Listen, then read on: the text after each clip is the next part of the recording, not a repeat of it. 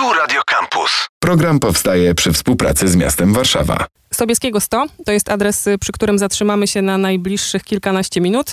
Łukasz Ostojak-Kasprzycki po warszawsku w naszym studiu. Dzień dobry. Dzień dobry. Aż chciałoby się wejść do środka. To jest może pierwsze skojarzenie na widok tego ogromnego, y, szarego, modernistycznego, opuszczonego od lat budynku. Ostatnio znowu o nim głośno, bo wrócił do miasta i w przyszłości być może zostanie przekształcony na y, mieszkania, które posłużą chociażby uchodźcom z Ukrainy, ale historia tego budynku jest długa i burzliwa. Więcej w niej faktów, czy więcej plotek i miejskich legend? No budynek na pewno rozbudza emocje i e, wyobraźnię przede wszystkim. No, nazywany do tego szpiegowym przez niektórych, czyli e, jeszcze bardziej podbija te, te, te różne wyobrażenia. No rzeczywiście jak spaceruję sobie Parkiem Sieleckim, czy w ogóle Dolnym Mokotowem, to zawsze staram się gdzieś okrążyć ten budynek, bo, no, bo robi niesamowite wrażenie. Mm, czy więcej legend, czy ile, ile faktów, ile legend, no to tak naprawdę no nie wiadomo, bo nie, nie jesteśmy w stanie tego wszystkiego potwierdzić, ale e, na pewno możemy powiedzieć to, że budynek został zbudowany pod koniec lat 70. Mm, w 77 chyba rozpoczęto budowę, w 78 zakończono. Mm, no i powstał on dla pracowników ambasady rosyjskiej. Było to swoiste miasto w mieście. Tak naprawdę można powiedzieć, że ten budynek był pierwszym w Polsce zamkniętym osiedlem, no bo ogrodzony murem z wartownikami, którzy sprawdzali przepustki e, mieszkańców, a sam budynek, no, niesamowity kompleks, bo posiadał, e, pamiętajmy, że jesteśmy w latach 70., 80., a budynek ten, to osiedle posiadało swoją saunę, swojego fryzjera, e, dentystę, nawet salę kinową, także no, było wszystko, czego chcieli, czego mogli potrzebować ci pracownicy, którzy wtedy tam mieszkali. Czy pojęcie luksusowe pasuje do tego kompleksu? Zdecydowanie, bardzo. No, ten budynek w latach 70. i 80. No, musiał w warszawiakach wzbudzać, e, no nie wiem czy zachwyt, ale na pewno przyciągał wzrok, no bo tak jak e, powiedziałaś, no, była to modernistyczna budowla, która nawet teraz e, przyciąga wzrok, no bo jednak ta kaskadowa, nie jestem architektem, ale tak ja opisuję to sobie, ta, ta kaskadowa forma tego budynku z tymi takimi na górze betonowymi klockami. Taki duży, po prostu wyrazisty pusty łącznik na samym tak, środku. dokładnie. Mhm. No i ten przestrzał pomiędzy budynka, budynkami do tej pory robi wrażenie. A wtedy, no nie dość, że luksus, to na pewno, na pewno coś nowego na mapie Warszawy. I kiedy zaczął przygasać jako budynek? Zaczął przygasać, jak rozpadł się e, Związek Radziecki, czyli w 89 zaczęli podobno w 89 zaczęli wyjeżdżać stamtąd e, ci pracownicy. Na pewno większość z nich wyjechała. E, no natomiast jak wystarczy sobie wpisać w internecie gdzieś eksploracja Sobieskiego 100, gdzie wchodzą chłopaki tam, e, oczywiście nielegalnie, do czego nie, nie zachęcam, ale można sobie już obejrzeć to, Urbex co tam Polska. zrobili mhm. dokładnie. No i tam znajdowali dokumenty, kalendarze, pisma z, jeszcze z 2005 roku rosyjskie. Także świadczy to o tym, że na pewno ktoś tam jeszcze, jeszcze przebywał w tym czasie. Da się to wyjaśnić bez miejskich legend? Da się to wyjaśnić może po części. Na pewno Klub 100 działał dłużej, czyli też e, miejsce osławione.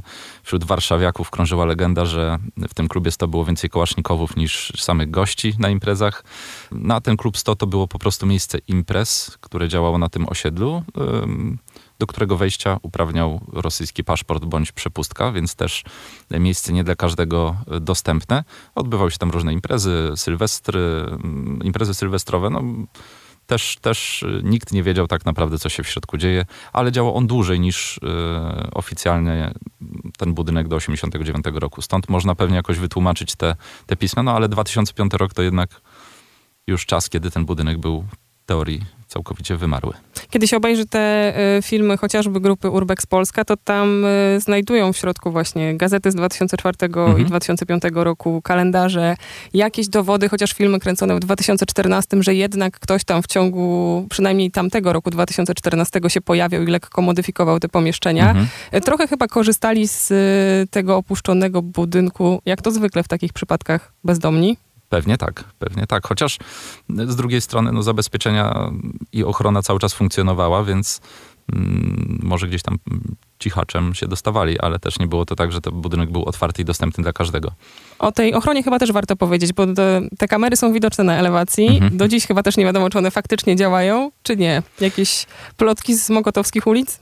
Yy, No, zachęcam, żebyście przeszli się na spacer dookoła tego budynku. Same kamery robią wrażenie, bo jest to no, sprzęt yy, z lat 70., więc yy, samo to już, już jest ciekawostką. Czy one działają? No, wątpię, ale, ale nie wiadomo. Plotki, plotki były takie, no, nie, nie bez powodu nazwa szpiegowo. No, plotki były takie, e, że zresztą warto spojrzeć w ogóle na działki e, rosyjskie, które się znajdują w Warszawie. Jakimś trafem wszystkie znajdują się w mm, bardzo bliskiej odległości ważnych strategicznie punktów, e, jak na przykład właśnie Sobieskiego 100, które znajdowało się w okolicy sztabu Generalnego Wojska Polskiego. E, Inna e, lokalizacja to jest na przykład Aleja Szucha.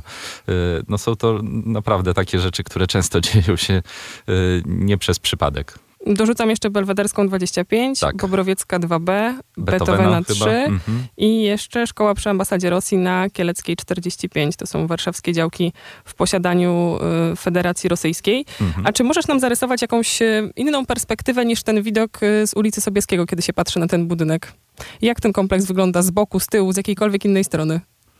Mm, To może zacznę od tego, jak on w ogóle wyglądał na samym początku, bo teraz y, mamy dookoła bloki. Tam wzdłuż Sobieskiego y, deweloperzy pobudowali różne niezbyt piękne budynki. Mamy Pewnie chcieliby też y, pod Mhm. numerem 100, bo to super działka. No, to na pewno. Zwłaszcza, że no, ona stoi nieużytkowana, dodatkowo bardzo zadłużona, bo tam kilka milionów złotych narosło długu, który, który Rosjanie powinni nam zapłacić. No i na szczęście w końcu coś się zacznie z tą działką dziać przez tą sytuację straszną, która się teraz dzieje, no ale coś tutaj drgnęło, więc to jest plus. Natomiast no, ten budynek y, możemy sobie wyobrazić, jak wyglądał, ponieważ on stał tak naprawdę na ogromnym, pustym terenie dookoła. Nie było, nie było nic.